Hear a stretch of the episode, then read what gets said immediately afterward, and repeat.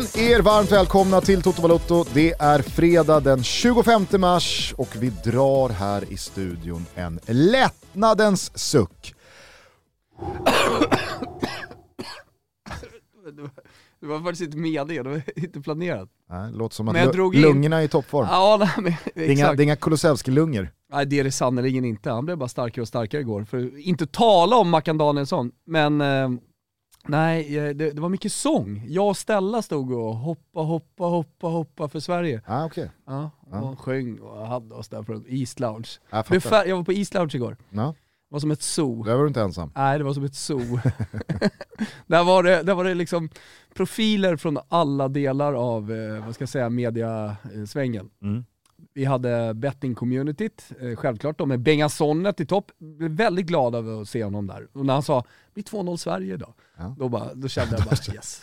Känner man behöver inte ens gå ut Behöver-. Nej exakt, det behöver inte ens gå ut. Och kanske var det det hundra konsulter tänkte.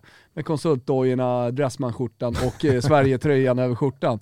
För de, eh, första halvlek, ja men då var det ändå liksom hyfsat fullsatt nedanför East Lounge där man sitter.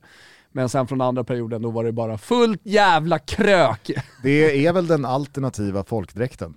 Alltså det, du, har ju, du har ju liksom eh, Dala, vad heter de? Dala...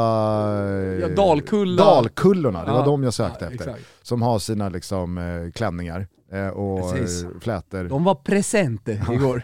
Och sen så har du då den alternativa eh, folkdräkten. Eh, konsultdojor-mackor eh, och så eh, kostym, dressmanskjorta, Ja. matchtröja över. Över. East Lounge-bandet runt handleden. Precis. Nej men och, och detta då kryddat med olika typer av profiler. Allt från Dr. Alban till eh, ett riktigt rövgäng som krökade på med Andreas Andersson och Lasse Eriksson och Eskilsson och sen så, vad heter han förra sportchefen i Göteborg? Mats Gren. Mats Gren ja. ja. Limpar hälsade. Kändes som att han inte Limpan mindes mig. Det kändes som att han inte riktigt mindes mig. Toto Balutto. Ja, ja, ja, det kommer jag ihåg. Nej, det, gör det ju inte. Ja, men han var väl trött efter paddeldubbeln mot eh, Niklas Holmgren, Bosse och Putte Ramberg. Som Men- jag såg eh, Ja, Gick av stapeln ja, igår han på var Twitter. med där ja, också. Ja det är möjligt att han var. Eh, Nej men härligt, alltså det, det, är, ju, det är ju speciellt eh, sådana här eh, landskampskvällar på Friends. Eh, I synnerhet då efter en pandemi eh, med två års mer eller mindre utestängning. Nu har liksom alla gått och laddat här. Eh, och, och nu var det mer eller mindre då en, en, eh, en mästerskapsbiljett i potten. Det var ett överkomligt motstånd. Våren ligger för dörren. Nej men vad fan, det är ju klart att eh, vissa bärsar bort sig och att folk Ja, tar på sig nej. folkdräkten och lever herregud, ut. ja. herregud ja, men jag kan säga under förlängningen så var det, då, då var det tomt. Då var det jag och Stella och, och, och, och June och hennes pappa och min eh, revisor. Då var det fok på sista beställningen. Och de har ju ändå en skärm där inne Nej men när man i, kom in, i East Lounge. ja ja de hade gjort sista beställningen så när man kom in i East Lounge sen efter, då, då var ju borden fulla. Precis. det var vinare och bärs och alltihopa. Ja. Ja nej men härligt. Innan Eh, jag släpper det, som körsbäret på tårtan då, av alla kändisar man eh, springer på, eh, så var ju David Helenius utanför med två stycken av de här enorma maskerna från Masked Singer. Som drar igång här ikväll och det är ju roligt för att Pepsi, vår älskade Pepsi, är ju huvudsponsor till Masked Singer. Då kan man ju blicka lite framåt och tänka, en Pepsi Max, lite Masked Singer och bara njuta av den här segern. Ikväll fredag alltså. Ingen dålig idé. Eh, vad sa du Gusten? Jo men jag sa att eh, vi kanske ska fokusera då på det sportsliga och det fotbollsmässiga och jag tycker verkligen att man kan börja i den där lättnadens sucken. För det var ju verkligen så man kände när Michael Oliver blåste av efter 120 minuter att här kom vi undan med blotta förskräckelsen. Det här kunde verkligen ha slutat på ett annat sätt mot ett oerhört skadeskjutet Tjeckien som Alltså det var, det var ju inte det bästa landslaget som äntrat Friends gräsmatta, verkligen inte. Men Sverige var ju inte heller bra. Och räknar man liksom halvchanser för de båda lagen så var det ju snarare favör Tjeckien i antalet. Sen så hade ju Sverige absolut ett spelövertag och ju längre matchen led så tycker jag Sverige ändå visar en starkare fysik och fler spelare som orkar och jag tycker att förlängningen i sig är bra. Den lutade bara åt ett håll. Så att eh, liksom, när allting var över så, så behöver ju verkligen inte Sverige be om ursäkt för att vi vann med 1-0 och eh, gick vidare. Men det hade sannoliken kunnat sluta på ett annat sätt. Inte minst om Michael Oliver hade avvaktat en sekund efter tio minuter och inte blåst i sin pipa när Tjeckien gör mål på hörnan. Alltså, där säger ju VAR i hans öra att ja, alltså, det här är ju ett regelrätt mål. Det finns ingenting att hitta. Jag satt men på läktaren och såg inga repriser, så du kan väl bara berätta situationen för mig och alla andra 50 000 som var på Friends igår. Nej men det som händer är ju att eh, Tjeckiens första hörna eh, dimper ner eh, mellan eh, två tjeckiska ja, spelare och Victor Nilsson Lindelöf. Och Tjeckien vinner höjdduellen. Bollen studsar ner mot Robin Olsen som dyker mot den men får inte fast den. Och så är det väl Barak tror jag eh, som då eh, med två touch trycker upp den i taket. Och Michael Oliver har då redan blåst. Och det har alla, i synnerhet vi som tittade på tvn. Jag vet inte hur ni upplevde det på plats, men alltså signalen kommer klart och tydligt innan eh, Barak trycker upp bollen i nät. Så det, det, alltså, för här, vad? Äh, för, äh, ja, exakt, för en oschysst höjdduell från Tjeckien på eh, Victor Nilsson Lindelöf, som också efter den här duellen, när han märker att den här duellen förlorade jag, han slår ju ut vädjande med armarna mot Michael Oliver. Och så kommer signalen direkt. Men eh, när Michael Oliver då eh, säger liksom, vänta, vi, vi ska avvakta här, vi, det här ska gå till VAR, så känner man ju att så här, det är en sak ifall det står en linjeman som är fast i gamla rutiner och har gått på liksom ryggmärgsreflexen att blåst. vinka och att eh, domaren kör över linjemannen. Det har ju hänt upprepade gånger, inte, det var väl eh, senast här i El Clasico. Eh, så eh, vinkade väl linjemannen där, men eh, David Alaba upp eh, hävde offsiden mm. och så lät domaren spelet fortsätta och så klev VAR in och sa att nej men Alaba, eh, han, var, han upphävde offsiden så att målet ska stå. Aubameyangs mål var det väl. Ja. Så att det har ju hänt många gånger sen VAR klev in och linjemännen glömmer ibland de här liksom nya direktiven att även fast du känner att det är offside, håll nere flaggan, låt situationen spela ut sig, så, liksom, så, så lyfter du flaggan sen. Här är det ju huvuddomaren som blåser av. Så att hur liksom, mycket var en tycker att det där är ju inte frispark, det där målet ska ju stå, så måste ju VAR backa Michael Oliver där. För att annars hade ju, alltså tänk dig Janne, tänk dig Janne ifall det målet helt plötsligt ska stå när Michael Oliver har blåst av klart och tydligt för alla som har tittat på, alla som har varit närvarande mm. i den där boxen. Men det är ju det som sker. VAR säger förmodligen i Michael Olivers öra, alltså det där är inte frispark, det där ska vara 100%. Vad tycker du? Det är 100% mål. Ja. Alltså det är 100% mål. Men de säger i hans öra, men du har ju blåst, din jävla liksom, ja. skorpa. Att, vad, ska, vad ska vi göra? Nu får vi ju rädda dig liksom. Vi får rädda ditt ansikte här. Hoppas eh, Tjeckien vinner här nu, så det inte blir något skit, säger ju de i hans öra. För att eh, här, du har precis rånat dem på ett mål. Och det är ju inte så heller, även fast vi kan claima att ja, men Michael Oliver blåser av, därför lägger alla, det är ingen som lägger av. Nej. Alltså den enda som kan göra någonting åt målet är Robin Olsen, och han agerar ju till 100% som att bollen är i spel. Eh, så att där har vi ju superflax. Och sen så tycker jag ju liksom sammantaget eh, från tjeckiskt perspektiv att vi har ju tur här att ja. de saknar Patrik Schick. Her eh, herregud, för, alltså för det, med, det är en referenspunkt i en bomber i, i boxen emot att uh, de Patrik Schick sätter ju ett av lägena som Tjeckien mm. faktiskt Skö, får. Skönt att vi ska möta Polen då med Lewandowski uh, längst fram. Ja, jo, absolut. Sen Men det så, kanske blir en annan typ av matchbild. Det är klart att det blir ska, det, ska, jag ja, menar jo, herregud. Men jag har en fråga till dig. Ja? Alltså, vad är Sveriges problem på bortre stolpen, framförallt vänster sida, när det kommer inlägg? Alltså, i, vad är det, 90 plus 2, mm så skickar ju Tjeckien in ett inlägg på bortre stolpen och han får helt ren ja. stå och måtta den. Det är, det, det är ofattbart hur ja. han missar. För han får ju ta ner bollen. För han har så mycket tid mm. att han inte ens behöver dra den på ett. Jo men det är ju efter ett inlägg när eh, Vigge har lämnat sin position och följt ut mot ytterzon så att han försvinner. Och då tror jag att Per Bengtsson i Jo men det är sin... inte första nej, gången vi tappar nej, bort stolpen. Nej, nej, jag vet, men då tror jag att det händer liksom så att uh, Jocke Nilsson, han flyttar över närmare ja. för att täcka första ytan. Och då blir Pierre Bengtsson i valet och kvalet att ska jag fortsätta hålla bortre ytan eller ska jag flytta med? För nu är Vigge borta. Mm. Och så finns det en ovana i det där att... Men oavsett hur det händer, bytt, varför blir det alltid, varför blir det alltid bortre ytan? Och ofta på vänster? Jo men det är väl för att man hela tiden måste prioritera närmst, Jo, mest men närmst, det, det, det, är mest så, längst ifrån det, det, och sist får man ta sig an längst ifrån. I den 92 minuten. Ja. som jag upplevde, det, det, är ingen, det är ingen kontring. Det går inte fort här. Nej, det är inte, det är Nej inte... alltså Vigge går bort sig ut i ytterzon och sen så får man slå ett överlångt inlägg bara. Det är det som sker. Jo, jag, men, men det, det händer så ofta. Ja, ja det, absolut. Och det, och det kanske är en detalj man kan slipa på. Men eh, det var ju inte bara den chansen de fick, utan alltså, de är ju riktigt usla avslut som hade kunnat vara betydligt bättre ifrån att man själv hade känt det här ska ju Tjeckien vinna. Mm. Nu gjorde man inte det för att avsluten var så dåliga. Mm. Alltså det är sådana träbensavslut eh, på, på de tre, fyra chanser Tjeckien har. Så att det blir lite som att chanserna inte kändes speciellt farliga när man så här dagen Exakt. efter blickar tillbaka på matchen. Men med Patrik Schick så gör ju Tjeckien minst ett mål här. Mm. Med Vidra så gör de förmodligen minst ett mål här. Men jag vet inte vilka som dök upp här. Det var, det var liksom... Nej men det pratade vi om inför.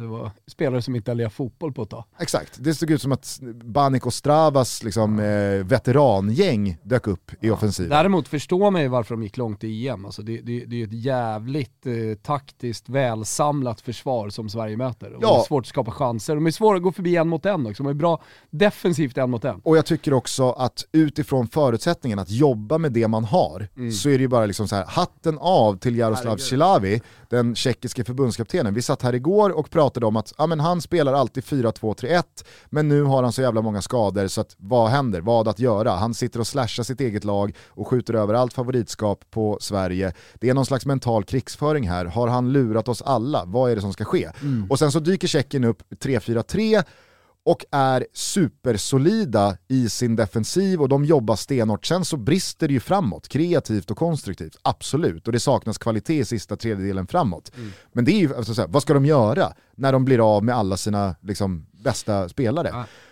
Och då tänker jag bara, och tycker jag återigen att det är värt att dra upp det här vi pratade om i höstas, det var väl efter matchen mot eh, Grekland, att det blir så oerhört tydligt gång efter annan hur jävla få fördelar det finns att spela 4-4-2 mot ett 3-4-3, mm. ett 4-3-3 eller ett 3-5-2. Och i synnerhet då 3-4-3 eller 3-5-2. Och jag tror att Chilavi hade tittat väldigt mycket ja. på de lag som har mött Sverige senaste året med en treback slash femback eh, och i det här fallet då ett 3-4-3. För vi blir ju så låsta eh, i uppspelsfas i och med att Tjeckien har tre spelare där. Mm. Så det gör att vi bara får pumpa långt. Mm. Ja, vi, vi skickar väl långt. Och det är väl det, det, är väl det mest tacksamma vi kan göra eh, för tjeckerna.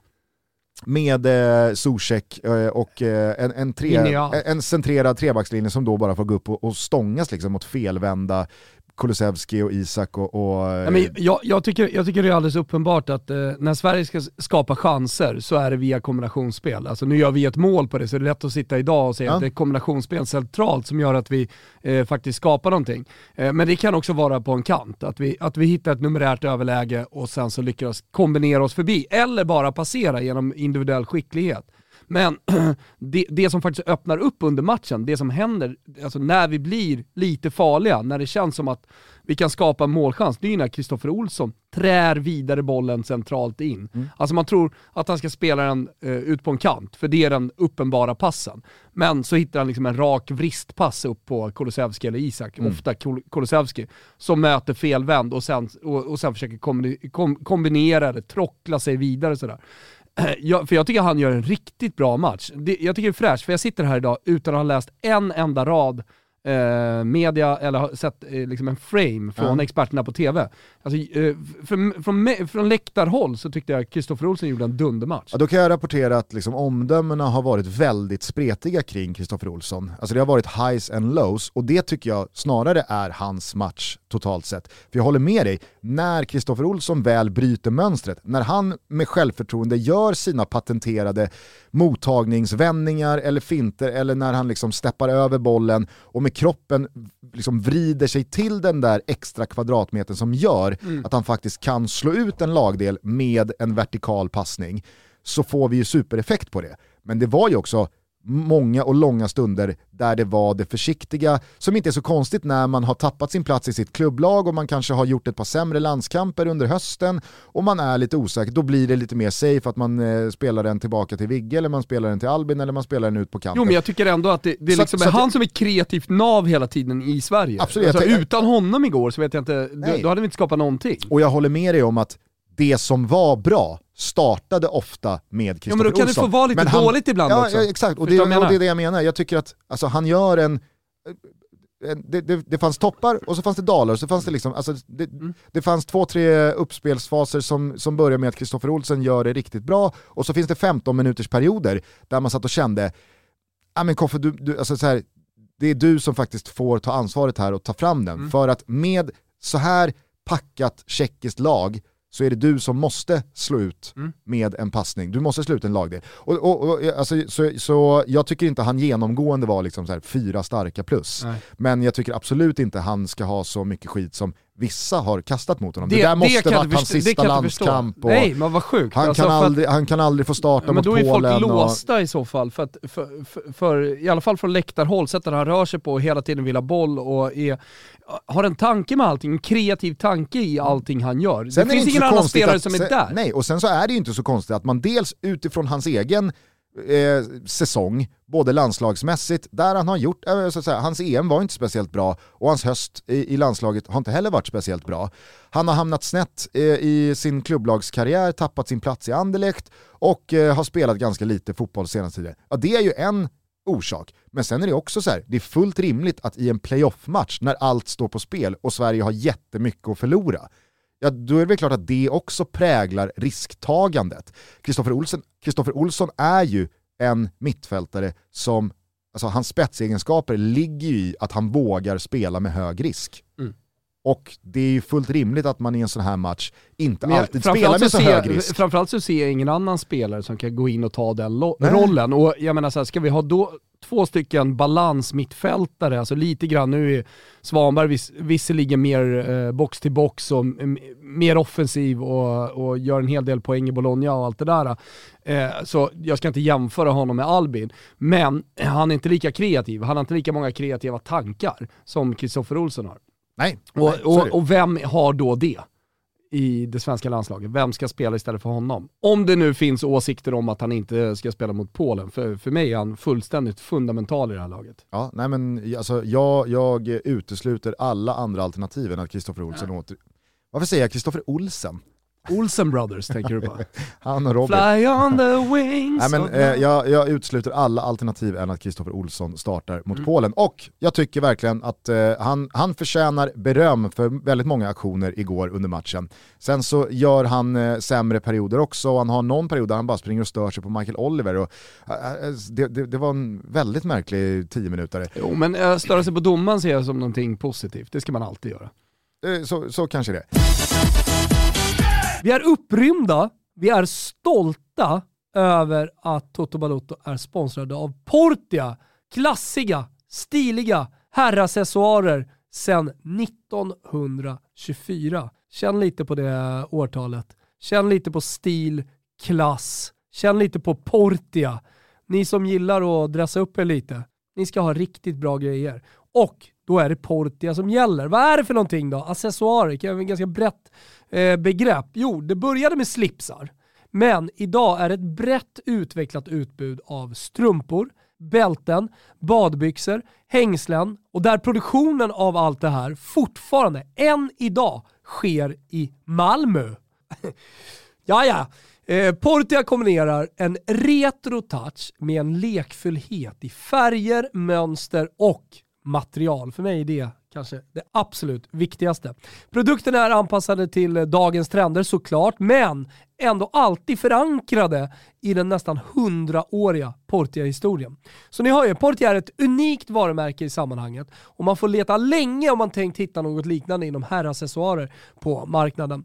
Gå in på www.portia1924 www.portia1924 1924.com och kolla själva. För nu stundar det en vår av vad jag tänker socialt samkväm, fester, högtidsstunder.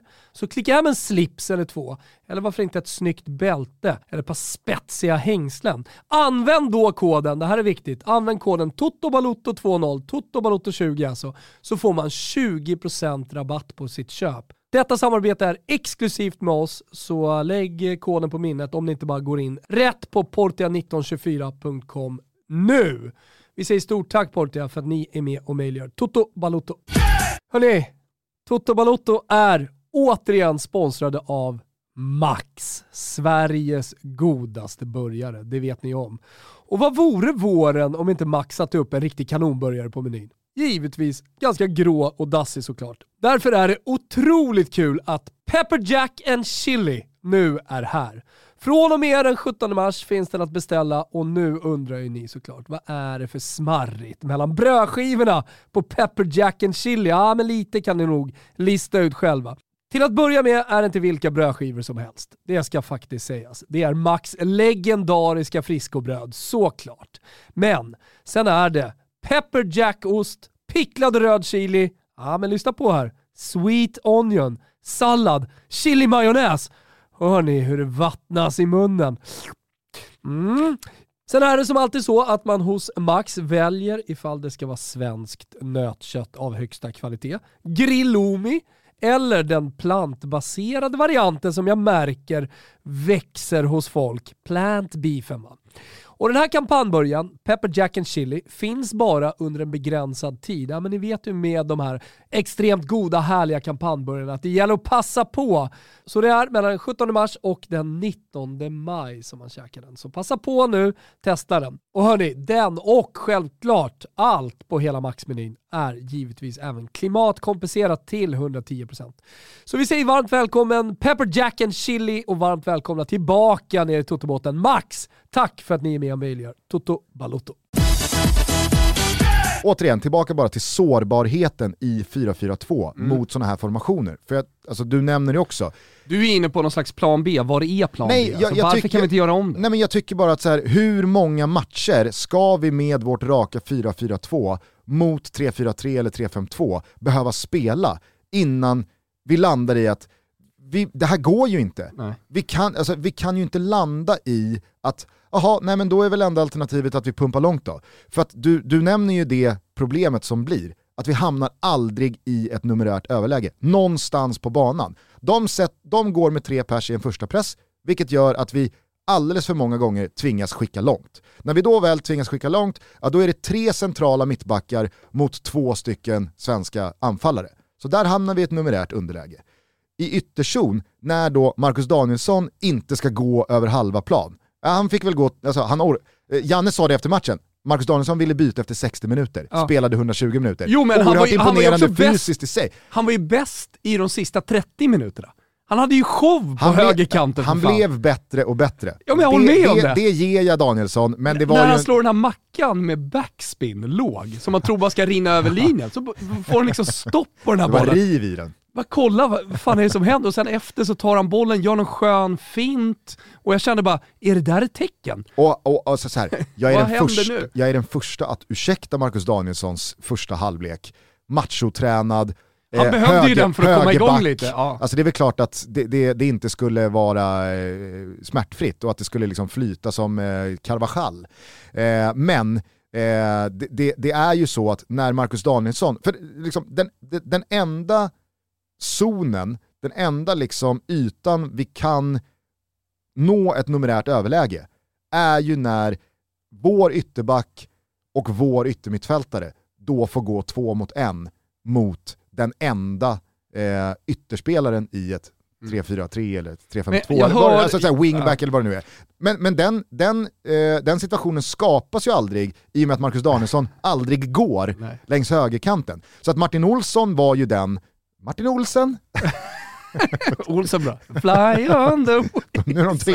Nu är de tre. Trillingarna. Ja, Martin Olssons första halvlek tycker jag är liksom, alltså hans överlapp på Emil Forsberg, mm. det är ju det enda Det är den enda situationen som skapar numerärt du, överläge. du kan ju inte spela Någonstans 4, på banan. 4, du kan ju inte spela 4-4-2 2022 utan överlapp från ytterbacken. Nej, men det var ju alltså så här, men när Martin Olsson går på överlapp på Emil Forsberg så kan ju han, vissa gånger trär han in den till Martin Olsson på ett bra sätt som kan komma med en cutback eller med en, ett inlägg eller liksom vad man nu kan få ut av det. Ja, det skapade vi en del chanser Ja, eller så går Martin Olsson-tåget och så tvingas ytterback eller wingback eller hur man nu vill benämna dem följa med honom och Emil Forsberg kan bryta in och söka kombinationsspel med central forward. Alltså så här, det var ju det var ju den enda situationen som på något sätt skapar, förutom som du säger, När Kristoffer Olsson mm. trä, alltså slår ut en lagdel med en vertikal Och passning. så kommer Emil Forsberg Och så kommer in. Emil och- Forsberg eller Viktor Claesson eller vem det nu var. så här. Det, det var ju de enda situationerna där vi kan hota dem. För att annars så blir vi, vi blir utmanövrerade tre mot två, backlinje mot forward. Vi blir matchade centralt, två mot två. Eh, vi eh, är, blir eh, i, i numerärt underläge i, i, på egen tredjedel i och med att de går på tre och kan styra sin press. Och Jocke Nilsson inte ska sköta några uppspel. Ja, då blir det ju väldigt lätt för dem. Mm. Jaha, han, i- han deltar inte, Nej. vi är tre, ni är tre. Nu pressar vi från det här hållet, tjoff kommer långa. Ja. Zuzek är du med? Nu Ja. kommer den snart. Nu, kommer, nu pressar vi fram den om tre sekunder. Här kommer den. Zuzek vinner. Ja. Så att jag, jag, jag, jag, jag, jag måste känna, alltså jag är ju en nostalgiker och eh, romantiker och älskar ju liksom 4-4-2. Ja. Det gör man väl som svensk, Mm. såklart. Om man inte nu har liksom hamnat där jag har hamnat tidigare i livet. Men nu känner jag så här, om ingen annan spelar 4-4-2 längre, varför, varför, ska, gör vi, varför, ska vi så upp, varför ska vi så uppenbart underlägset Ja. fortsätta hålla fast Man vid det här? kan, väl tycka att vi försöker spela 4-2-4 sen, eh, när vi gör bytena och Kulusevski, för han hamnar inte ute på en kant. Isak är ju mer ute på den högerkanten än vad Kulusevski är. Eh, i, för han kommer in så mycket i banan och det skapar ju också det här läget sen. Jag tycker Kulusevski gör en otrolig match. Ja, jag tycker också det. Och Han är, och han är också en spelare som växer under hela matchen. Alltså dels visar han att han har fysiken. Menar Alltså att- han är ju mitt i säsong, han spelar i Spurs nu allting går bra. Så att han har självförtroende och så, men han har också Efter fysiken 114 att palla. minuter så ser ut som att han har spelat i tre minuter. Exakt, exakt. Och han tar, håller på att skapa något till läge, du vet när han ligger där nere vid mållinjen. Jag tror att det ska blåsas av, men den bara fortsätter. Sen är han ju helt otrolig sen, i att liksom trockla, krångla, åla sig igenom. De går ut med en, de går ut och dubblar och så tänker man nu är han väl ändå låst. Mm. Och så på något jävla sätt så lyckas han flytta bollen mellan fötterna och tar sig emellan och trycker Men- ifrån och liksom använder den där skölden mm, och så är han bara därifrån. ja. Det är helt sjukt. Han hittar någon jävla tunnel eller eh, vad det nu är, han får med sig bollen. Men jag hörde, hörde att det muttrades igår på East Lounge också. Det gick rykten om att det, det muttrades från en viss person, att Gary var sur. Ja, okay. Hur kan man spela med mittback ute till höger? Men om man nu ska liksom ta den tanken, alltså hade, hade Daniel Sundgren spelat där, som är en, eh, alltså, en, en mer modern ytter, ytterback då, som gillar att komma på överlapp. Alltså, jag, jag, tror, jag tror att vi hade kunnat skapa ännu mer då från högerkanten.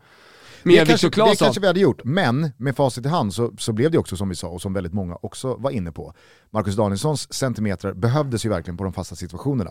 För det var ju oroligt och halvfarligt mest varje gång Tjeckien hade en defensiv fast. Så jag hade absolut inte velat ha Marcus Danielsson eh, utanför. Och då kanske det hade varit eh, Marcus Danielsson då bredvid Vigge och så Daniel Sundgren som högerback. Men Jocke Nilsson tycker jag gör en solid insats i alla fall i, i det spelet också. Sen så håller han ju på att ställa till det när han nickskarvar den bakåt Ja. i djupet blint och men, men, eh, också men eh, ja, Jocke Nilsson, eh, alltså, han, han, han gjorde det också bra Mm. på de här fasta situationerna. Så det där är väl lite liksom, ja. Jag, jag, tycker att det är härligt, jag tycker att det är en injektion. Han kanske inte gjorde en supermatch med bollen vid fötterna och skapade så mycket, men jag tycker att eh, Svanberg visar att han är framtiden på det centrala mittfältet i Sverige. Alltså för att han, han har så jävla mycket lungor, så mycket muskler, eh, så mycket vilja liksom när han kommer in och man ser att han verkligen har han, han har gått från juniorstadiet och blivit en vuxen man. Eh, och hela det här eh, rutinerade italienska spelet, jag vet inte om det märktes tydligt eh, via, via tv-skärmarna också. Han håller ju hela tiden på och skjuter bort någon boll och liksom ställer sig framför och sinkar tiden när tiden ska sinka. Han, Får han är, ont, han han är får ont furbo. när man kan få ont. Ja, det, precis. Och det, det, det, det älskar man ju i en 1-0-ledning när det är förlängning. Alltså han dödar ju fyra minuter ensam. De sista fyra minuterna längs högerkanten, Ja. det, det, jag stod upp och applåderade Ja, ja. Ja, det var total, det här var vackert. total gåshud. Och det var väl i den situationen också Kulusevski la sig över bollen Exakt. och inte blev av, avblåst. Exakt. Eh, men, men, men jag tycker ändå, så här, även om han inte gör en jättebra match när han kommer in, för det tror jag inte du tycker heller, alltså med boll, han skapar inte så mycket och kanske inte är supervass. Jag, Så, så är alltså, han, det är så tydligt med Mattias Svanberg, det har ju varit i två år. Han vill ju så oerhört mycket Ja, när han kommer in och får kanske. sin 20 minuter eller halvtimme i det här fallet, eller liksom 12 minuter. Så att han, han, åh, han vill så mycket och han överarbetar och så, du vet, han springer Men- på allt och han, jag och det i alla blir fall, ju ibland jag, jag tänkte, lite för ofta, lite Koff- för liksom hackigt. Jag tänkte i alla fall eh, att Kristoffer Olsson behöver lite mer backning på det där mittfältet. Och Olsen. Nu Olsen. nu, nu pratar vi om 4-4-2, olika numerära uppställningar. Eh, alltså Svanberg, Albin Ekdal som Metsala och eh, sexa på på Kristoffer Olsson. Alltså någon slags regissörsroll. Alltså tre manna mittfält, det, eh, det, det måste ju vara melodin för Sverige. Mm. Ja, eller så vrider man på det och så kan Albin bara spela där. Och så har man liksom... Absolut. Koffe och ja, Svanberg. det, det, det, kan du, det kan du säkert också göra, beroende på vilka vi möter och sådär. Jag tänkte, Men, men det som- kommer, alltså, här, det som- kommer såklart som inte kreativ ske. Alltså, det, är så här, Ja, jag- jag- Precis som alla de som ropar om att ja, men nu, nu, nu måste väl Jesper Karlström starta mot Polen. Ja, men det kommer naturligtvis inte bli så att Jesper Karlström startar mot Polen. Bara för att han... Gedigen insats, Otroligt absolut. inhopp. Ja. Jag skrev det på Twitter, det är ju fotbollshistoriens bästa inhopp. Alltså såklart mega skarvat. men hans första fem minuter är ju, de, de är fem plus, Mm. hur man än vrider och vänder på det. Men jag menar, alltså så här, så pass länge... Alltså, Men då ska, det, det, betyder inte att han kan stå, han kommer in i en ja, men- viss period av matchen när alla är trötta. Såg men du att någon mycket- skrev till oss på Twitter igår, hade fotat av eh, tv-skärmen när Olof Lund var i bild och skrev vad fan har Olof Lund på sig för skärp? Och då skrev jag bara så här. Har du inte tittat på tv sen 97? Ja. Alltså det är så här, 20... Olof Lund har varit i alla sändningar och alla har eh, liksom uppmärksammat det här skärpet. I alla andra sammanhang han Folk har varit. släppte skärpet för 13 år sedan. Exakt. Och, och, och, och det är samma sak här, att så här, hur många landskamper ska man behöva se innan man liksom landar i att ett bra inhopp där och en dålig insats här gör inte att en förbundskapten till fem dagar senare gör sex förändringar Nej. till en tävlingsmatch. Det är inte så det funkar. Nej, för ska du bara gå på insatsen att igår så kan du ju byta ja, men ut halva Att Gary laget. Sundgren står och muttrar i islounge, det gör mig också, det gör mig också irriterad. Han vet väl hur det funkar. Jan Andersson, det är riskminimering det handlar om. Det är, ni- Vi är 90 minuter ifrån att nå en playoff-final. Då kommer Marcus Danielssons erfarenheter från hur Janne vill spela sitt försvarsspel trumfa Daniel Sundgrens offensiva egenskaper, Ska- som jag är bättre än Danielssons. Men det fattar du väl Gary? Det fattar du väl? Det är det. Alltså, så här, Ska ju sägas att det var en folkdräkt som kom fram och berättade detta. Alltså, så, så ryktet kommer från en Dressman-skjorta med Sverige-tröjan över och konsultdojan. Men jag tar den för 100% sanning ändå. Okej, ja, ja, Att det hade muttrats. ja. Nej men, eh, och, och jag menar, nu sitter ju du och jag bara och liksom eh, raljerar. Ja. Det är väl klart att vi fattar att Janne inte kommer liksom släppa 4-4-2. Det kommer fortsätta spelas 4-4-2, och så är det med den saken. Men, jag fascineras bara över hur jävla rumphugget 4-4-2 numera är mot 3-4-3, 3-5-2, 4-3-3. Alltså vi, vi, vi blir så jä... Alltså, fördelarna blir så jävla överkörda av nackdelarna. Men en annan sak som jag tänkte på igår, eh, Gusten, det är hur jävla bra Emil Forsberg är på att spela fotboll. Men också hur dålig kondition han har. Och så kollar man på hur mycket han har spelat i Leipzig. Alltså han spelar ju bara 67 minuter, eller 32 minuter. Ja, men du Antingen minns, du hoppar han minns in, väl, du eller minns så väl kommer... eh, när Janne satt och rabblade Men han är helt minuterna? Ja, jag vet, men han, ha- han, har ju, han har ju rätt i det. För att hade Elanga kommit in i 67, nu tror jag att Janne vill ha kvar honom utifall att det blir straffar. I förlängningen så orkar jag ju inte springa Emil Forsberg. Alltså han, han, han, typ nästan släpar ensam på Tjeckiens Han hade planhalva. kramp. Alltså han hade kramp. Ja, men han, innan han fick kramp så var han också helt jävla slut. Eh, men jag tror att Janne liksom vill ha, ja, han, han vill, han, jag tror inte att han är rädd för att sätta sig i situationen igen. Så han får komma till Toto Balotto och, och, och rabbla minuter. Men däremot så... Det var så dä- jävla fint tror när jag, han vecklade upp pappret. Ja, liksom sådär lite typ, Nu vi, har vi satt och kollade, vad fan säga. är det här liksom? Så upp med pappret där. och så var det minuterna. Men, men han, han, han, hade ju ingen bensin kvar efter 70 minuter. Ja, Nej, det hade han inte. 70 Men, men okej då, på plats så såg man ju honom i alla situationer. Han orkar inte ta, man ser på honom, helvete. Du vet, när passen slås, då tar han hemlöpet. Men han skulle ha tagit det tre sekunder innan. Ja, nej, för, för liksom att bry, bryta den vinkeln för, för Tjeckien. Men det, från minut 70 och framåt, då, då kommer liksom det här forcerade löpet hem. Forcerade, ni, inte ens maxlöpning, 90% löpningen hem och det håller på att bli jättefarligt på Tjeckiens högerkant. Mm. Och det, det, jag, känner, jag känner bara så här, nu har han 120 minuter i benen. Han gör inte 90 minuter mot Polen. Fräsch. Nej, alltså så här, det beror helt på hur den matchen utvecklas.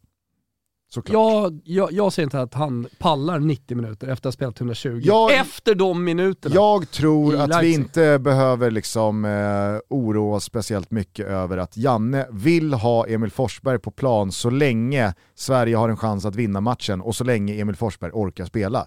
Alltså så här, det, det är ju Ja, ja. grundförutsättningen. Nådde jublet eh, ut genom rutan när Elanga kom in? Ja men det skulle jag säga, och det var ju väldigt många som eh, satt och skruvade på sig och undrade vad fan håller Janne på med? Men jag tyckte det låg i korten hela vägen och det är ingen efterhandskonstruktion. Vi pratade ju igår om att oavsett om Sverige ligger under eller leder så är ju Anthony Langa ett superintressant eh, inhopp. Han kommer passa båda de matchbilderna. Det som var emot var ju just att matchen står och tickar oavgjord. För vem ska du då ta ut? Och det var ju precis det Janne sa eh, i eh, intervjun med Frida Nordstrand efter matchen. I ett läge så har jag Emil Forsberg, eh, Alexander Isak, Robin Quaison och Dejan Kulusevski på planen. Och det står 0-0. Jag vill inte ta ut någon av dem. Jag vill ha dem på plan så länge de kan spela. Sen hade det, och han sa ju det också, jag, jag, jag ville byta in Elanga, men jag kunde inte. Normally, being a little extra might be a bit much, but not when it comes to healthcare. That's why United Healthcare's Health Protector Guard fixed indemnity insurance plans, underwritten by Golden Rule Insurance Company, supplement your primary plan so you manage out of pocket costs. Learn more at uh1.com. Hey, I'm Ryan Reynolds. Recently, I asked Mint Mobile's legal team if big wireless companies are allowed to raise prices due to inflation. They said yes. And then when I asked if raising prices technically violates those onerous two year contracts, they said, What the f are you talking about, you insane Hollywood ass? So to recap, we're cutting the price of Mint Unlimited from $30 a month to just $15 a month. Give it a try at mintmobile.com slash switch. $45 upfront for three months plus taxes and fees. Promo rate for new customers for limited time. Unlimited more than 40 gigabytes per month. Slows. Full terms at mintmobile.com. Det gick liksom inte, för det fanns inte, vad, vad, vad ska, ska han byta ut Alexander Isak i det läget? Ja. Det kan han inte göra. Nej det kan han definitivt inte göra, för det kände jag också, även om inte han Och var hundraprocentigt vän med bollen, avsluten, var lite stressad ibland, eh, så, så känns det hela tiden som att han är ett hot. Nej, och han kan inte Han byta ut Dejan Kulusevski mot Anthony Langa. Det enda bytet han kunde göra var ju Quaison in mot Viktor Claesson, dra ner Kulusevski till höger. Mm. Det var ju det enda bytet som fanns att göra. För att du kunde inte byta ut Claesson mot Elanga. För då spelade du Kulusevski, eh, Elanga, eh, Isak och Emil Forsberg. Mm. Och Quaison är ju en, alltså bevisligen, nu kanske Elanga har de egenskaperna också, men han har ju inte, de, han har inte, bevi, han har inte på ett dokumenterat sätt gjort jobbet försvarsmässigt i ett svenskt landslag, så som Robin Quaison har. Således så kommer Janne aldrig göra det bytet och spela med den, ja men, eventuellt då övermodiga balansen. Så jag fattar att Anthony Elanga eh, blev kvar på den där sidlinjen jättelänge. Det var, det var fullt rimligt. Ibland blir det ju sådär, den här spelaren ska in och jag vill få in honom. Men det står 0-0 och det är ett skede av matchen och jag har de spelarna jag har på banan och de vill jag ha på banan. Och det var ju för, alltså så här, väldigt många som tittar på fotboll och sitter på läktaren och tycker och tänker. De är ju så här: in med honom! Ja, nej, eh, Ja, men vem ska, vem ska ut då? Tro mig, Vem som helst! tro mig, jag hörde allt igår. Jo, men det, På det- tal om Olsen och det är så så vidare så jävla- var det det- många roliga namn i det det är svenska så jävla startelvan. lätt att skrika om spelare in, Ja. men då ska någon av. Och vem ska av då? Alltså, så här, Många tar Frans, är det 30 000 här eller? Jag tror 80, det är ju tre etage, det är ju som Bernabéu. folkdräkterna. Du vet. Fina folkdräkterna. Toto Balutto är återigen sponsrade av mäktiga Myrkvist, våra absoluta favoriter när det kommer till snygga handgjorda skor av högsta, högsta kvalitet. Dessutom utan några mellanhänder, vilket gör att Myrkvist kan erbjuda ett riktigt, riktigt bra pris på sina kvalitetsskor. Materialet kommer från Europas finaste garverier och skorna görs för hand i Portugal. Är det inte något som känns ruskigt rätt med att riktigt snygga skor görs för hand i just Portugal? Jag tycker verkligen det. Men viktigt att komma ihåg också nu när det är vår och gatorna börjar sopas. Myrkvist gör inte bara kostymskor, utan det finns dessutom tvärsnygga sneakers redo att möta primaveran med. Myrkvist brukar inte vanligtvis göra speciellt många reor eller för den delen ha rabattkoder. Men precis som förra året, lagom till våren, sommaren och de stundande festtiderna, så gör de ett undantag för oss. Detta är exklusivt i Toto. Från och med att du hör detta till den sista match, alltså månaden ut, är det 200 kronor rabatt på vilka skor du än köper med koden TOTO22. Toto22. Och för er som bor i Stockholm eller har vägarna förbi huvudstaden så finns Mykvist i Moodgallerian. Och där kan man också då säga att man har lyssnat på Toto. Säg koden TOTO22. Annars är det myrkvist.se som gäller och funkar ju hur bra som helst. Vi säger stort tack till Myrkvist för att ni är med och möjliggör Toto Balotto och för att ni ger oss en sån exklusiv kod på era feta kvalitetsskor. Stort tack! Vi vill även i det här avsnittet hörni, slå ett slag för filmen Jag är Zlatan. Ni vet den som skulle haft eh, premiär i januari men som blev uppskjutet och eh, nu är det alltså premiärdatum 18 mars. Så nu kan alla som lyssnar på det här gå man i huset och se den här filmen. Den är otroligt bra. Skådespeleriet, genuina, eh, scenerna från Rosengård, fotbollsscenerna. Det handlar alltså om tiden från när Zlatan var liten grabb och eh, stal eh, cyklar i Rosengård hela vägen upp då till eh, den här historiska flytten till Ajax.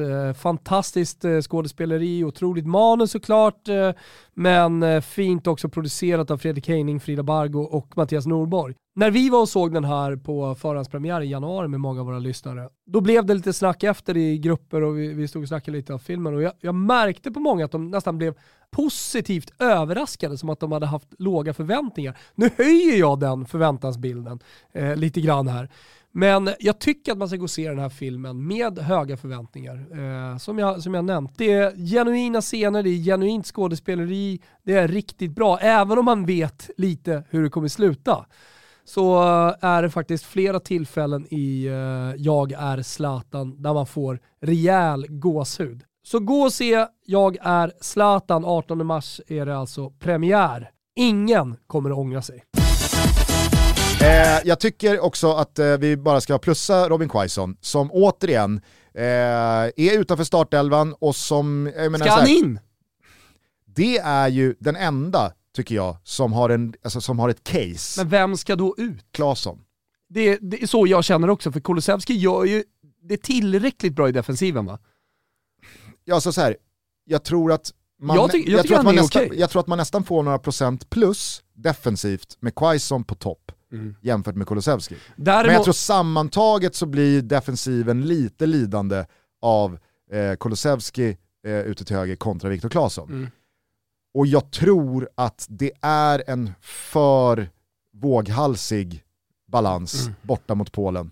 ja, i alla fall om man får gå in i Jannes skalle så, så finns den väl typ inte. Mm. Det, det som dock talar för det, Mm. det är ju att Viktor Claesson, alltså, eh, d- den, här, eh, den här matchen kommer nog sitta ganska duktigt i benen på honom i och med att han har spelat ganska lite fotboll senaste tiden. Och han var inte jättebra. Nej, han var inte jättebra och han var ganska kantig och alltså det, det, det, Ganska. Jo men, Kändes som ett kylskåp där ute till höger. kylskåp, fan, Från eh, läktarsektion så kändes han stor.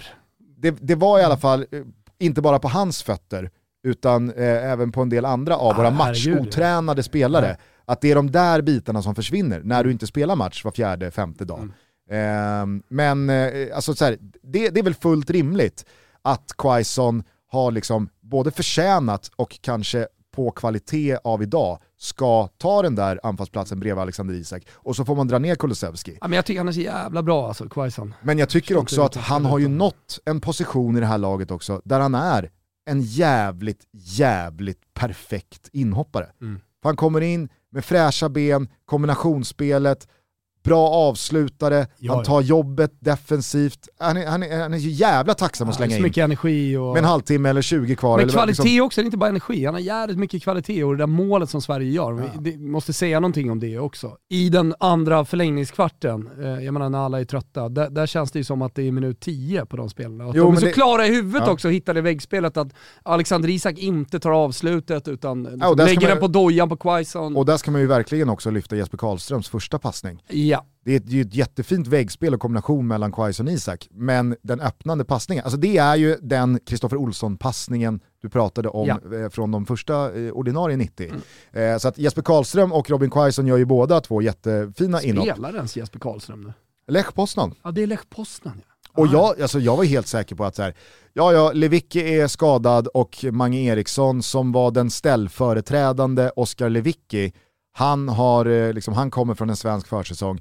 Det är nog bättre att ta med eh, Jesper Karlström. Och jag menar alla de här tre är ju bakom Jens Kajuste som också jag är blev skadad. lite kär i Karlström Ja, men jag, alltså, jag, jag, jag, Så tycker- vet jag att han är BP-talang, Ja, men jag tycker jag älskar jag tycker Jesper Karlström kom in och såg på riktigt ut som en annan mittfältare än den som lämnade Djurgården och svensk fotboll. För i Djurgården och i Allsvenskan så var han ju mycket, mycket... Kom ju in med en aura. Jo men han var ju mycket, mycket mer av då liksom en, en, en Värnblom?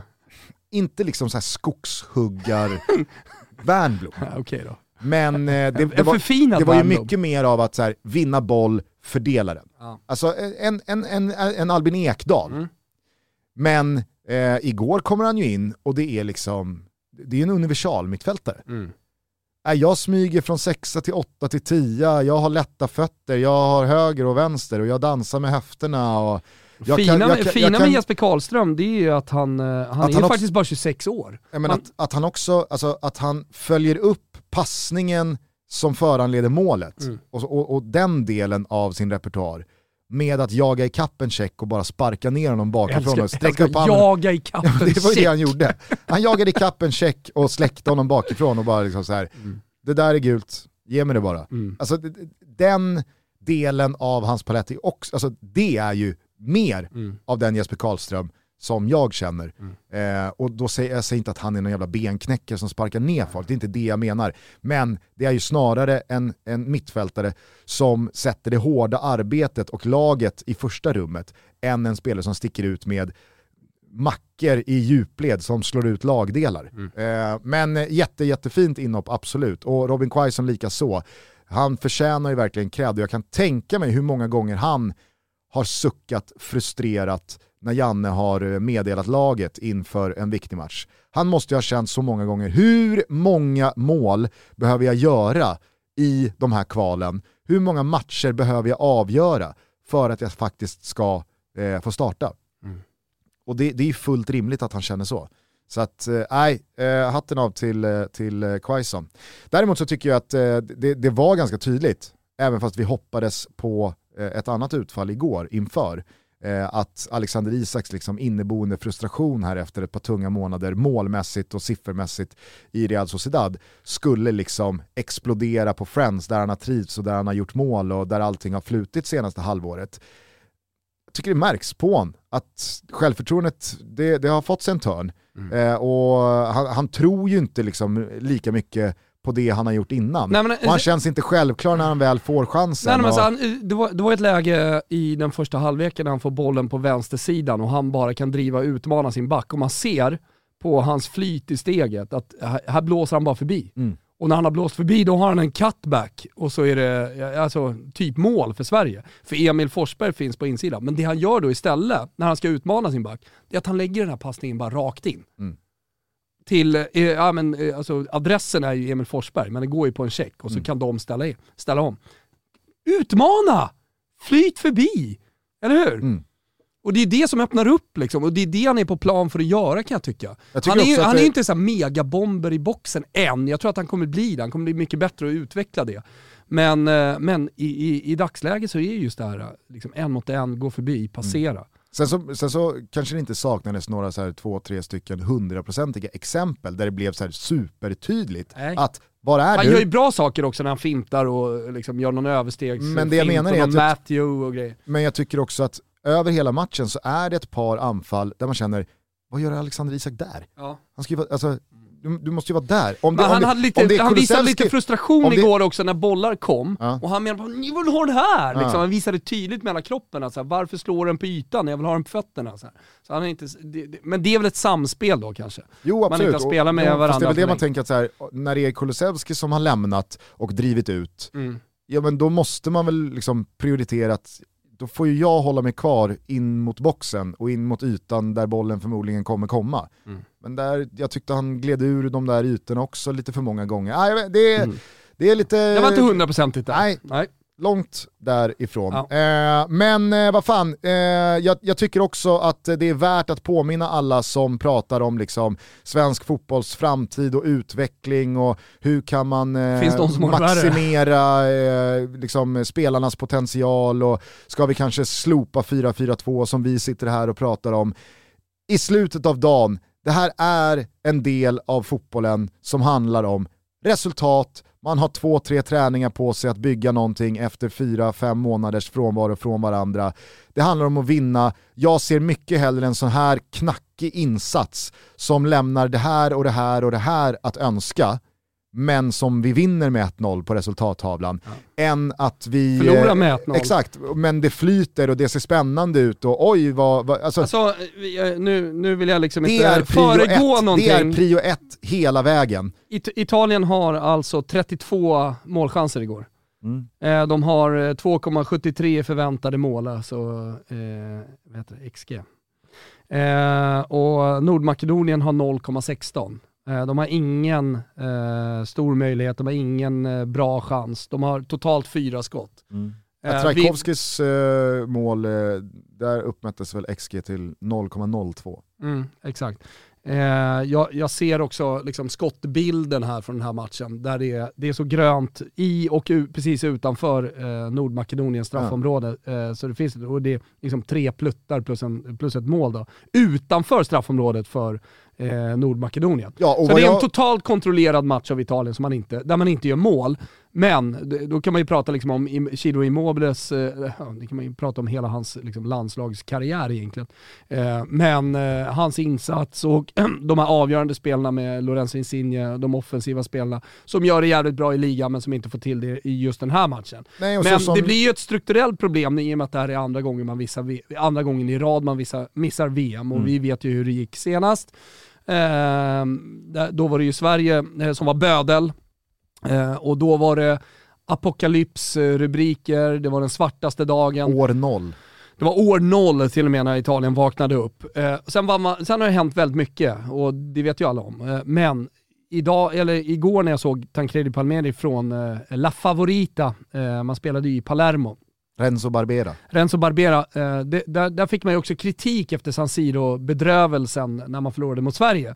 Eh, att man inte spelar då på Turarenan, La Favorita, nere på, på Sicilien. För där förlorar man aldrig, utan där, där får man alltid positiva resultat och eh, eh, på Sicilien så älskar man det italienska landslaget, man sluter upp, eh, det blir en bra stämning. Nu hade man ju då valt mot Nordmakedonien att spela på La Favorita, så det fanns ju till och med liksom symboler som var viktiga här och eh, man skulle inte göra om misstagen då från, från Sverige-matchen. Eh, men det Tancredi Palmeri säger efter som jag tycker är intressant, det är ju att alltså sist pratade vi om apokalyps och år noll, men, men nu måste vi prata om att det är en normalitet. Vi lyckas inte ta oss vidare från den här gruppen, återigen. Och vi, får, vi hamnar i ett playoff-läge och vi förlorar ett playoff. Alltså om det sker två gånger i rad, oavsett om Italien var helt och fullständigt jävla överlägsna igår, och det är en match på 90 minuter som man förlorar, så har man ju satt sig i den här situationen. Ja, ja, absolut. Och, och, och, och jag menar, då, då, då måste man ju gå tillbaka till de matcherna också, så väger man in helheten så är det ju ett problem som, som går bortom Ciro Immobiles bleka insats igår. Eh, och eh, att man inte lyckas få in bollen och att man slarvar lite vid det här målet. Det är inte bara en 1-0-seger för Nordmakedonien, utan eh, det, det jag ser när man pratar om nu i Gazettan och så vidare, det är allt ifrån liksom, vad har vi för strukturer på vår ungdomsverksamhet? Eh, Eh, vad har vi för förutsättningar för att liksom, fostra bra spelare? Eh, vad gör vi jämfört med andra länder som har kommit jävligt starkt? Eh, Belgien är ett exempel, fan Schweiz som går vidare från den här gruppen är väl liksom e, ett land som eh, Italien bara ska avfärda. Men eh, där man då kan hitta ehm, anledningar till att det faktiskt har blivit så här. Danmark, superexempel. Jag tror att Danmark, inte, eh, såklart inte blir en ny stormakt, men det är det landslaget som är det nya lite Belgien. Och varför är de så jävla bra nu Danmark? Vi kan garva lite och att de slaktar grupper och hur jävla bra är Danmark? Men det kommer ju underifrån nu också. Och, eh, jag, jag, jag har nämnt det tidigare och det, vi ska inte fastna i det, men jag vet ju att Danmark gör allt rätt just nu på ungdomssidan i sina akademier. De gör allt rätt. Sverige kollar på Danmark, men inte bara Sverige som kollar på Danmark, som åker ner och gör studiebesök. Det, det är liksom inte Amsterdam man åker till. Det är till Danmark, till Nordsjälland, eh, till, eh, till Bröndby. Det är de klubbarna man åker och kollar på. Vad, vad gör de där nere som inte vi gör? Och alla som kommer tillbaka från de studiebesöken säger, säger bara wow. Vilka förutsättningar. Ja. Vilka organisationer och så vidare. Och där är, alltså jag ville bara avsluta det med Italien. Ingen åker ju ner, ja, möjligtvis till Atalanta då. Men, men, men Italien är inget fotbollsland du ser upp till längre. Nej. Som det en gång var. Och det är ju det stora problemet. Och därför är det att Italien missar VM. Tyvärr en normalitet idag. Jag eh, skulle bara knyta ihop den här eh, Italien-säcken med att säga då, så som jag har uppfattat eh, italiensk media så här morgonen efter, så är det inte jättemånga som skriker på Mancinis avgång och att man ska hänga honom högt och nej, kapa nej, hans huvud. Inte utan Ventura, man vill grejer. att han ska vara kvar. Och man ska komma ihåg att han ledde dem till ett EM-guld för ett drygt halvår sedan. Men det är ju samtidigt ingen, och det var därför jag ville återknyta då till vad som egentligen är högsta prioritet och den enda prioriteten när det kommer till det svenska landslaget och de förutsättningar som råder. Det är resultaten som räknas. För det är samtidigt ingen italienare idag som pratar om att prestationen var okej. Kolla på XG-siffrorna. Nej. Det, det, det, det, det skiter väl alla i. Inte Mancini heller. Det kan jag nog tro att Sverige alla kanske hade, hade gjort om vi hade gjort föredragit en pissinsats men att man hade slagit Nordmakedonien med 2-0. Vi byter matchbild och resultat med Italien, så hade ju faktiskt vi i Sverige pratat om en fantastisk match. Oj vad vi tryckte ner och vilken jävla otur vi har. Det hade vi gjort. Förmodligen hade men, många Men det är som du säger, ingen gör ju det. Alltså, eh, Mancini distrutto skriver man på första sidan. Alltså han är helt förstörd. Mm. Liksom, helt knäckt. Men man pratar också om att eh, han har gjort allt rätt. Han, han har liksom ändrat på spelsätt, eh, Italien är offensiva, I, Ita, I, Italien eh, har ändrat skepnad sett till hur man har sett ut tidigare. Man, man har hittat in, eller man ska säga, i den, eh, i den moderna fotbollen på ett helt annat sätt. Och det, det, jo, men, jo, jo, jag säger bara att... Men det, det är fortfarande för dåligt. Absolut, och sammantaget så är det ju svårt att snacka bort att eh, Italien har missat två raka VM-slutspel och att det således kanske är en normalitet än någonting annat. Men precis som det vi pratade om kring att eh, om Sverige vinner ett U21-EM-guld 2015 på två och en halv vecka, det tar liksom inte Sverige från en position på världsrankingen till en helt annan Nej. och vi ska prata om Sverige som ett helt annat fotbollsland än vad det var tre veckor tidigare. Alltså, Jorginho missar två straffar under den här hösten som kostar Italien en gruppseger i kvalet och direktavancemang. Det är ju oerhört små marginaler på få matcher som också gör att det blir eh, ett, ett en enorm konsekvens av det. Vi har ju pratat om eh, Belottis chans på Friends. Jorginho pratade om det själv efteråt också. Ja, ja alltså, jag, jag, jag är såklart ledsen ikväll och jag är jävligt frustrerad över den här förlusten. Men för mig handlar det lika mycket om straffarna jag missade under kvalet en, det räcker med en av dem i mål mm. så, så, så, står vi aldrig här och möter Nordmakedonien och behöver spela matchen på La Favorita för ja. att vi liksom tror på jinx. Alltså, det, det, det, är ju också ibland så att en missad straff eller ett rött kort eller en, eh, en stolpe ut mm. är vad det är. Det kanske inte är ett större tecken för att samtidigt Italien Saki, har nedmonterats som fotbollsnation. Ja, men samtidigt så säger Sacchi i en krönika idag, eller skriver i en lång krönika idag, att eh, eh alltså EM-guldet är ett undantag. Och att krisen började strax innan 2010 i klubbarna. Ja. Och det är det som är resultatet som vi har sett. Alltså, vi, vi får inte glömma VM 2014 heller, ute nej, i gruppspelet. Nej, så var det. VM 2010. Ja, ännu sämre. Ännu sämre. Nya som Zeeland då, som regerande världsmästare. Och sen borta från, eh, alltså ut i grupp, ut i grupp, borta 18, borta 22. Ja, alltså det kommer ju minst gå 12 år mellan eh, de senaste gångerna Italien spelade fotbolls-VM. Och det, alltså, så här, det, det är ju unheard of. Mm. Snacka, Jag menar bara så här, snacka det- om, liksom, det- visst kan man törn. prata som Jorginho. Svenskt, svenskt 80-tal. Jo men så här, jag missade en straff, annars hade vi inte varit där och så vidare. Men jag tycker också, man, jag, jag, jag tycker att man i Italien idag, Gravina och alla som liksom styr den italienska fotbollen ska prata som Sacchi. Vad är vårt problem? Och jag tycker att man kan hitta det eh, redan från eh, ungdomsakademierna. Italien är inte längre ett land man ser upp till fotbollsmässigt. Det finns andra länder. Ja. Ja, nej, bättre. nu, nu har de ju tid på sig i alla fall att tack. eh, liksom, rensa ut eh, det sista från den äldre generationen. Läste, läste om Mancho nu, nu vill ju eh, Italien, hela Italien, att Mancho ska fortsätta och Chiellini säger att man ska, man, man, man, man ska resa sig tillsammans med Mancho här, men han verkar ju, som, som, jag, som jag sa, Jag helt förstörd. Jag tycker att Chiellini kanske ska säga de, de ska resa sig tillsammans Ah. med Mancini, Ja. inte vi. Nej, han ska inte säga ripartiamo utan eh, det var nog ripartire. Men i alla fall, eh, det är en duo här som bollas upp som kan tas över. En, eh, Ja, jag såg en, det. En Eh, tarantella, Fa- italiensk, Cannavaro. en italiensk tarantella med Fabio Cannavaro och Marcello Lippi. Please don't guys, don't go there. Nej, fan. De ska, de ska hålla hårt i Mancini här nu och få övertyga honom om att han ska fortsätta. För, för han gör ett bra jobb. Ja men alltså, och, och, och, och att, att det ens nämns Fabio Cannavaro i det här sammanhanget, att man sätter mer eller mindre helt oprövade gamla spelare som tränare på en förbundskaptenspost. Det om något är ju varningsklockor på att nu har vi gått bort oss i vad liksom det här landet är på väg någonstans eh, vad gäller vårt A-landslag och vårt yttersta representationslag. Eh, men men, eh, det var inte bara Italien och Sverige som var ute i eh, VM-playoff igår. Portugal gjorde jobbet hemma mot Turkiet, vann till slut med 3-1. Eh, en av målskyttarna, Nick-specialisten Diego Jota, kanske hela världens bästa huvudspelare centimeter för centimeter. Det är så man brukar prata om boxare. Eh, he's the greatest boxer pound for pound. Fint. Roy Jones Jr är väl ett finsmakarnamn att bolla upp i den kategorin. Vället. Jo men det är han väl. Fan vet jag. För mig är han inte vället. Du brukar ju alltid kunna liksom bekräfta när det blir obskyrt. Satt uppe på nätterna för att kolla på Tyson och sen så gick det alltid åtta sekunder så han har bitit av öra på någon eller sänkt någon såklart. Sen var det porr. Sen var det, nej det var det innan, i TV1000. Eh, nej men eh, Turkiet, Anna Maria eh, Thomsson igång Turkiet eh, hade väl egentligen aldrig speciellt eh, mycket att sätta emot här.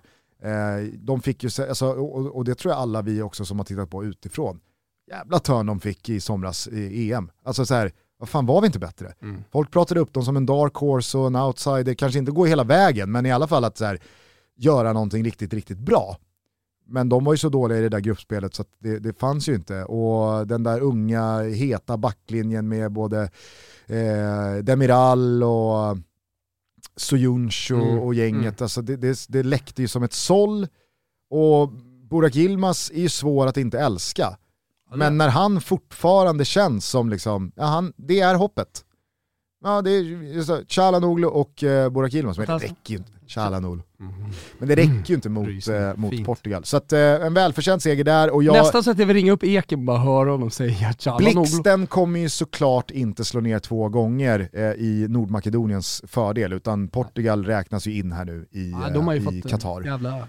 I och med att den Gratis finalen biljett. dessutom då spelas också i Portugal. Gareth Bale eh, tystade alla tvivlare återigen. Som, Gjorde eh, han det eller var det bara liksom ett, skott? Okej, han kanske inte det. tystade alla tvivlare, men han skickade i alla fall in både en och två vedklabbar i den där majbrasan, Men som han- är då hans fullständigt havererade relation med Real Madrid och i synnerhet då den Madrid-baserade pressen. Jo men det är en sorglig historia också, för jag, jag vill ju se den eh, Gareth Bale som spelar för Wales även i klubblaget. Jag, Och det var ju det vi- det var ju det vi blir ju rånad varje säsong på 6-7 sådana där mål. Ja, men, och det var ju det vi plussade Xavi för efter El Clasico Mm. i måndags. Att Xavi, han har ju faktiskt fått ut någonting av en spelare som sitter i en liknande situation mot den sportsliga ledningen i Barcelona i form av Ousmane Dembélé, som Carlo Ancelotti då uppenbarligen inte har lyckats med gentemot Gareth Bale i Real Madrid. Mm. För att det är bara, det är bara att kolla på honom. Hade den, hade den där spelaren inte eh, varit användbar många och Mm. långa stunder den här Real Madrid-säsongen, det är väl klart som fan han hade varit det.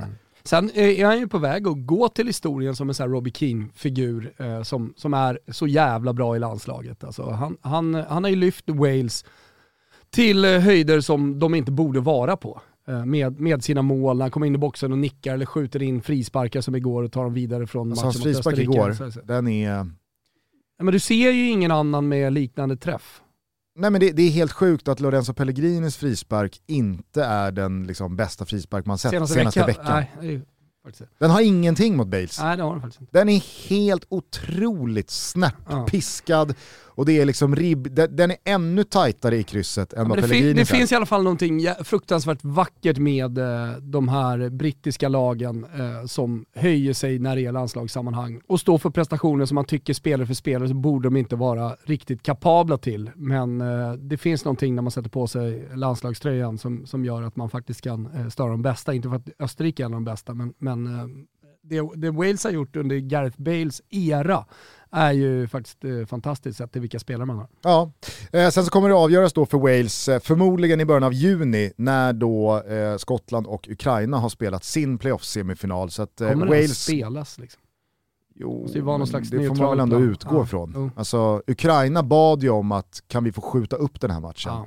Och jag menar klockan tickar ju mot VM. så Vilken de, match alltså. Att vet Ukraina att de- ska spela och så är Skottland på andra sidan som också har väldigt mycket så här hjärta och, och gobbar och, och, och liksom ska gå ut och börja sparka ner Ukraina. Spelare för att ta sig till, till VM när en hel värld liksom sitter och håller på Ukraina. Hörde du Boris Johnsons utspel? Nej, men alltså, Skottland kan ju inte vinna den matchen. Men hörde de du- får ju inte vinna den Hörde du, matchen. hörde du Boris Johnsons utspel? Nej, han, Han la ju sig i det här.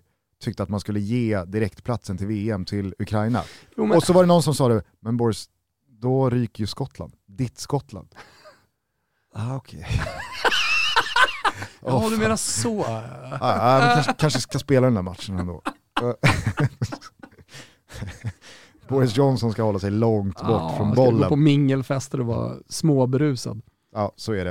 Eh, nej men eh, så att eh, Portugal till eh, VM, eh, Wales till eh, kvalfinal då i början av juni får vi utgå från. Och så Sverige då mot Polen på tisdag, ett Polen som igår faktiskt spelade med ett hyfsat ordinarie Ja, lag det. mot Skottland. Och jag noterar, de får in 1-1 på tilläggstid mot ett dassigt Skottland. Ja. Alltså, och eh, jag menar, jag, jag, jag, jag, tycker inte, liksom, efter, efter matchen mot Tjeckien igår, så ska man väl inte liksom tuppa sig allt för mycket. Men, men, jag men- tror så här, för alltså så här, Sveriges del så var det många som behövde 90 minuter i alla fall, kanske inte 120, men det Ja. var många i det svenska Ja. laget som behövde spela en riktig match med hård press. Och jag menar, spela torsdag, tisdag, det ska, inte vara men det, ska inte vara, vara det ska inte vara några större problem. I alla fall inte Snarare spelare. då åt det positiva att vi har fått igång spelare som eh, Jag tror inte mer, har gjort mer så många positivt, minuter de mer positivt än månaderna. negativt. Hade det varit torsdag, söndag, då är det något helt annat. Kanske här- negativt för någon, men positivt för flera andra. Så är det ju. Jag menar bara att liksom så här, Polen, ur eh, den, den moderna kvalhistoriken så har ju Sverige överlag klivit över Polen betydligt fler gånger än vad vi har eh, fått eh, tap out mot Ska dem. vi, ska vi göra en liten Vi- vi- inför på tisdag? Eh, ja, jag tänker att vi kan, eh, vi, vi, kan väl, vi kan väl kika på något sånt, absolut. Nej, för jag Vi- kände bara nu när du började liksom vidröra Polen, Ja. att Nej, men, eh, jag ville eh, veta mer. Det blir ett gästavsnitt med Pontus Wernbloom på måndag, eh, men eh, någonstans i, i, i, i de krokarna så kan vi Ja. skicka ut en liten Ja, inför-episod också. Jag ville bara säga det så att folk har med sig den känslan in i helgen också. Robert Lewandowski i all ära, du och jag håller honom superhögt. Tvåa, Tvåa just nu. Toto Ballon Mm, Mars, Det är så vi ser på det. vad nu det betyder. Ja. Eh, så, så, så självklart. ju såklart allt. Men jag tycker att Sverige vinner fair and square mot Polen så sent som i somras. Och då gör Lewandowski två mål. Och, och, och det är ju sån här Robert Lewandowski världsklassmål ur ingenting, snarare än ett resultat av att Polen var väldigt bra. Mål som Schick hade gjort igår. Kanske snäppet upp ändå, från Schicks nivå, Ja. de där målen. Jag menar Ett. bara att på, alltså så här, vad fan, på, det kändes som att igår efter matchen så var det som att ja, ja men nu, nu, nu väntar Polen på bortaplan. Ja, det är väl klart att det är en annan uppgift. Brasilien. Men det, exakt, det är inte Brasilien eller Tyskland eller eh, som eh, Spanien, utan det är Polen Mm. som vi har ett ganska bra track record mot och som spelade 1-1 mot eh, Skottland igår med typ Chesney och Lewandowski som enda ordinarie spelare utanför laget. Så att vad fan, vi är ju dessutom, alltså, och, och jag är helt övertygad om att den här insatsen igår om man bortser från de fysiska parametrarna, som såklart inte var att föredra. Man hade ju hellre sett att Sverige hade vunnit med 1-0 efter 90 än 120. Men jag tror att du håller med mig. Mm. Det är bättre, alltså det kommer få ett mer positivt utfall att Sver- alltså det här och det här och det här var ganska så dåligt till nästa match om fem dagar än att det ska sänka oss ytterligare. Och att Janne och Wettergren och laget ska ta ner den här matchen eh, på, på videoanalyserna och känna, fan vad dåliga vi är, det, det, det, här, det blir inte bättre än så här. Nu är vi ju vidare och vi behöver jobba med det här och det här behöver skruvas på och det här behöver förändras. Dessutom så får vi in en naturlig högerback Emil Kraft som är redo att gå in och ta den platsen. Marcus Danielsson in centralt bredvid Vigge så har vi ett mer eh, samkört mittbackspar. Vi har Zlatan som pusselbit att skicka in när vi antingen behöver få fast bollen där uppe i ledning eller någon som kan gå in och liksom murbräcka ner bollarna och trycka in inläggen ifall vi jagar mål. Emil Forsberg, han kommer få vila, Albin Ekdal kommer få vila, Koffe kommer få vila, Viktor Claesson hänger lite löst men jag tror nog att han, eh, jag, jag tror att liksom mittfält och anfall kommer se likadant ut. Så att, jag, jag, vad fan, Ah, kom igen, eh, tar vi Polen bara och tar oss till eh, VM. så är det. Eh, ska vi eh, runda av eller känner du att det är något annat som... Eh, Nej, men jag tycker, jag, Behöver jag, sägas. Nej men du var ju precis på en bra, bra plats. Ja. Jag kände att eh, positiva vindar eh, liksom flög runt här i rummet och jag kände mig optimistisk och ville komma till den här matchen och se Sverige spela. Så att, eh, då kanske Kimpa lämnar. bara ska rulla igång Olsen Brothers, Fly on the wings Det tycker jag verkligen. Härligt. Hörni, eh, ha en trevlig helg. Försök koppla bort bollen här nu några dygn. Och så samlar vi ny kraft på måndag. Vi gör det tillsammans med Pontus Wernblom. Och sen så kör vi ett inför Polen special någonstans där. Men självklart blir det också onsdagstutto då nästa vecka efter Polen-matchen. Exakt, och då kommer vi också med en raket från eh, Betsson. Eh, glöm inte heller bort att det är pokertoto på söndag kväll. Det blir väldigt roligt. Eh, ni hittar länkar och så vidare till pokertoto på våra sociala medier. Och när jag säger ni så menar jag alla som är över 18 år. Ni som har problem med spel, ni hittar till stödlinjen.se. Käka något gott, krama din partner och eh, njut av eh, eventuell vårsol. Så hörs vi om några dagar igen. Ciao! Tutti! In the summer nights, when the moon shines bright, feeling love forever. And the heat is on, when the daylight's gone, still happy together. There's just one more thing I'd like to add.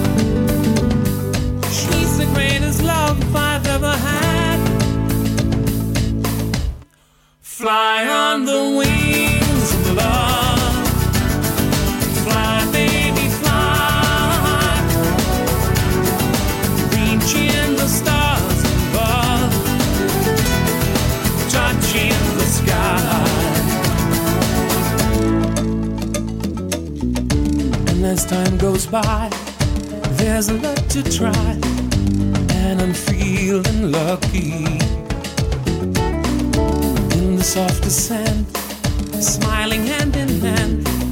Love is all around me. There's just one more thing I'd like to add. She's the greatest love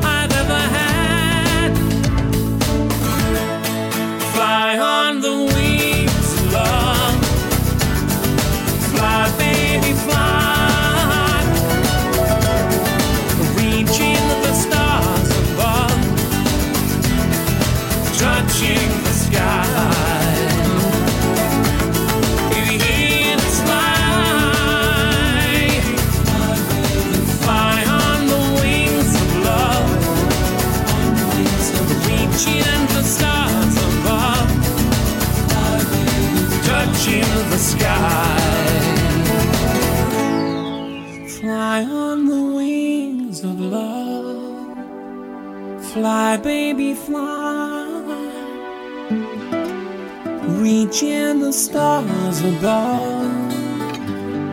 Touching the sky. Fly on the wings